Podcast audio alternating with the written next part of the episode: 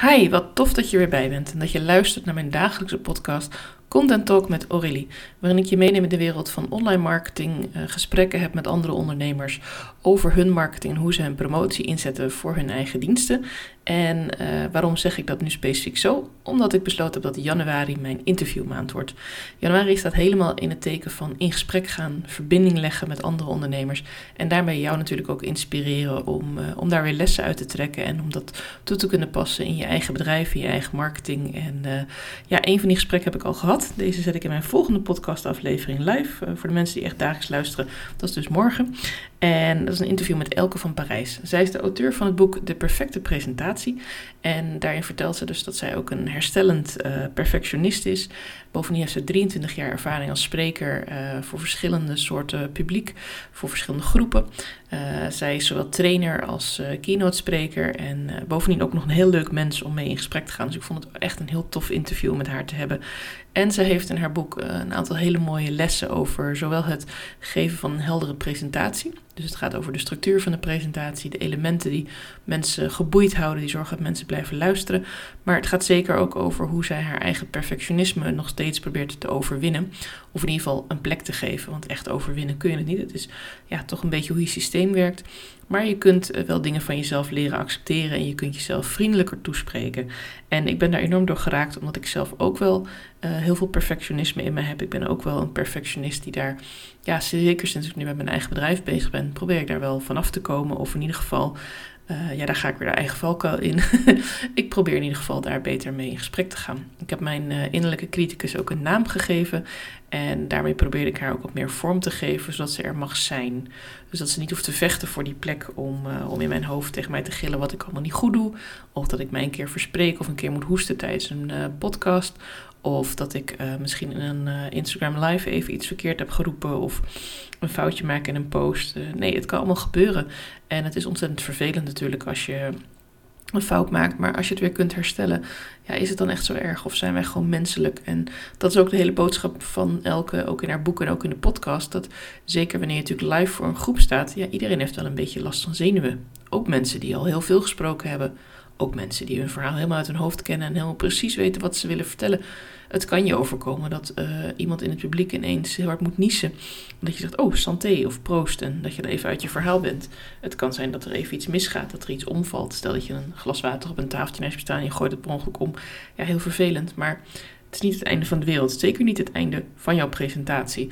En ik denk dat we dat uh, als ondernemers uh, zeker ter harte mogen nemen.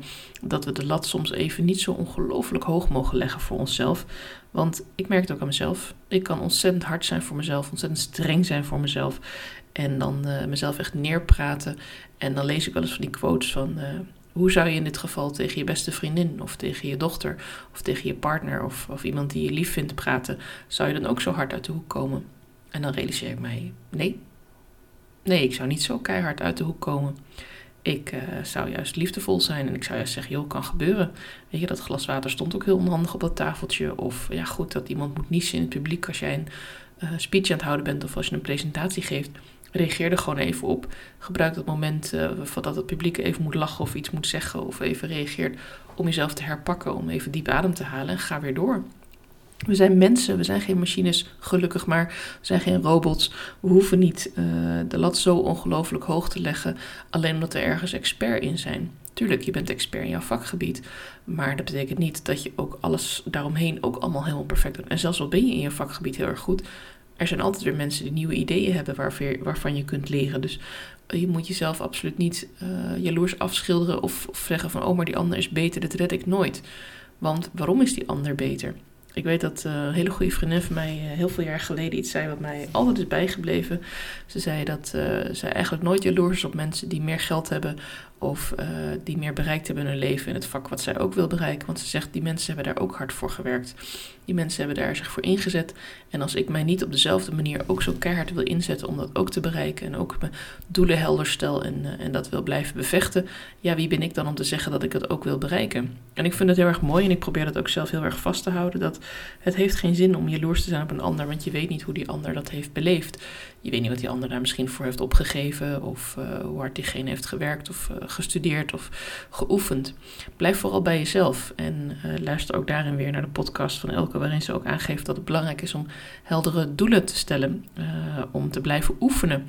En ook oefenen in lief praten tegen jezelf. Dus wat ik al in het begin zei, ik heb mijn innerlijke criticus een naam gegeven. En dat is niet uh, iets van trut of zo. Dat is, uh, ik heb haar Claire genoemd. Ik vind het een mooie naam.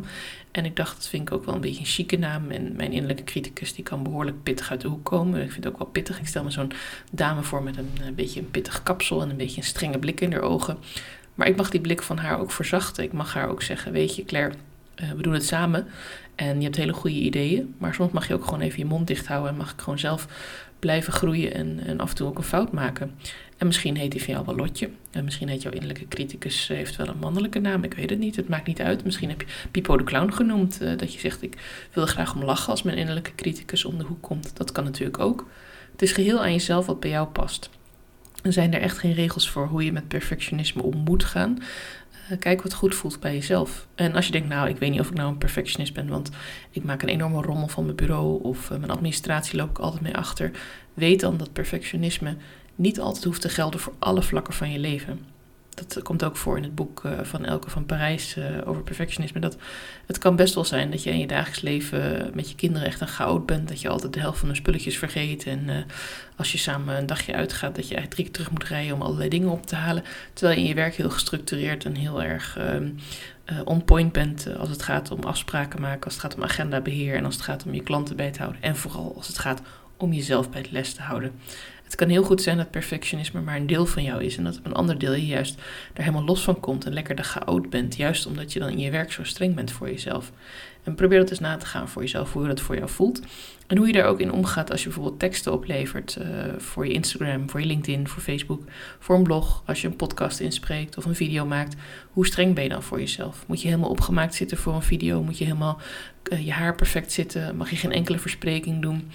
Of kun je ook gewoon lekker jezelf zijn? Want de persoon die je op video bent, of op een Instagram live of een Instagram story, dat is ook de persoon die jouw klant straks gaat zien wanneer jullie elkaar gaan ontmoeten. Of wanneer jullie een online meeting hebben voor coaching of voor een ander gesprek. Dus het heeft helemaal niet zoveel zin om je helemaal opgetut en, en klaar te zetten voor de video als je dat normaal nooit bent. Tuurlijk, als je dat fijn vindt, dan moet je dat vooral doen. En wanneer het uh, doel ook aansluit bij wat je wil, hartstikke leuk en hartstikke tof. Ik kijk graag naar mensen die uh, heel veel uitpakken met uh, mooie fotoshoots en bijzondere kleding en accessoires. Tuurlijk, dat is hartstikke leuk om naar te kijken. Maar vergeet niet dat je ook gewoon jezelf mag zijn. Dat het niet altijd hoeft uit te zien alsof je een soort topmodel of topster bent. Je bent echt jezelf. En je mag daarin ook tegen je innerlijke criticus zeggen dat jij zelf af en toe foutje mag maken. Zich een keertje mag verspreken. Een keertje mag kuchen tijdens een podcast. Een keertje uh, in een gesprek met iemand zal je misschien ook een keer kuchen. Zal je misschien ook een keer even wegkijken. Of even de vraag niet goed hebben verstaan. Of het niet helemaal weten. En vind je dat nou heel erg lastig? Vraag dan feedback. Wanneer het gaat over je teksten of over online marketing, content, uh, bijvoorbeeld je post of hoe je bepaalde dingen kunt aanpakken, kun je altijd een brainstorm sessie met mij boeken. Dat noem ik mijn blender sessie. Daarin uh, gaan we samen in gesprek en kun je me van alles nog wat vragen. En denk ik echt met je mee. Maken we ook concrete, zie ga ik alweer, concrete doelen uh, die je kunt volgen en uh, die ook echt vanuit jou komen. Dus ik ga het niet voor jou bedenken, maar ik ga je wel gericht vragen stellen. Hoe kun jij daar komen? Hoe kun jij ervoor zorgen dat je met kleine stappen steeds dichter bij jouw uiteindelijke doel komt?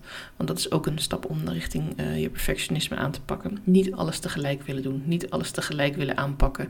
Niet nu alles willen gaan veranderen in je en in hoe je je klanten aanspreekt en hoe je je marketing doet. Eén stap tegelijk en dan lukt dit ook jou.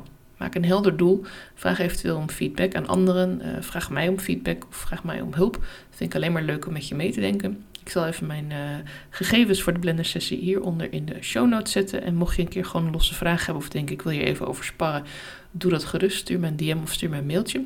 En uh, lijkt je dan leuk om net als Elke en ook andere ondernemers komende maand met mij in gesprek te gaan voor een interview? Stuur me gewoon ook een berichtje, want ik vind het altijd ontzettend tof om geïnspireerd te raken door jou als ondernemer en door jouw verhaal. En dat ook te mogen delen met jou als luisteraar. Nou, volgens mij heb ik nu genoeg geroepen tegen je over uh, wat je allemaal uh, kunt doen en hoe je mij kunt bereiken. Ik denk dat mijn innerlijke criticus nu zegt dat ik te veel call to actions heb genoemd in deze podcast. Dus ik ga even met Claire een kopje koffie drinken en haar even tot rust manen. En ik wens jou een hele fijne dag en graag tot mijn volgende podcast.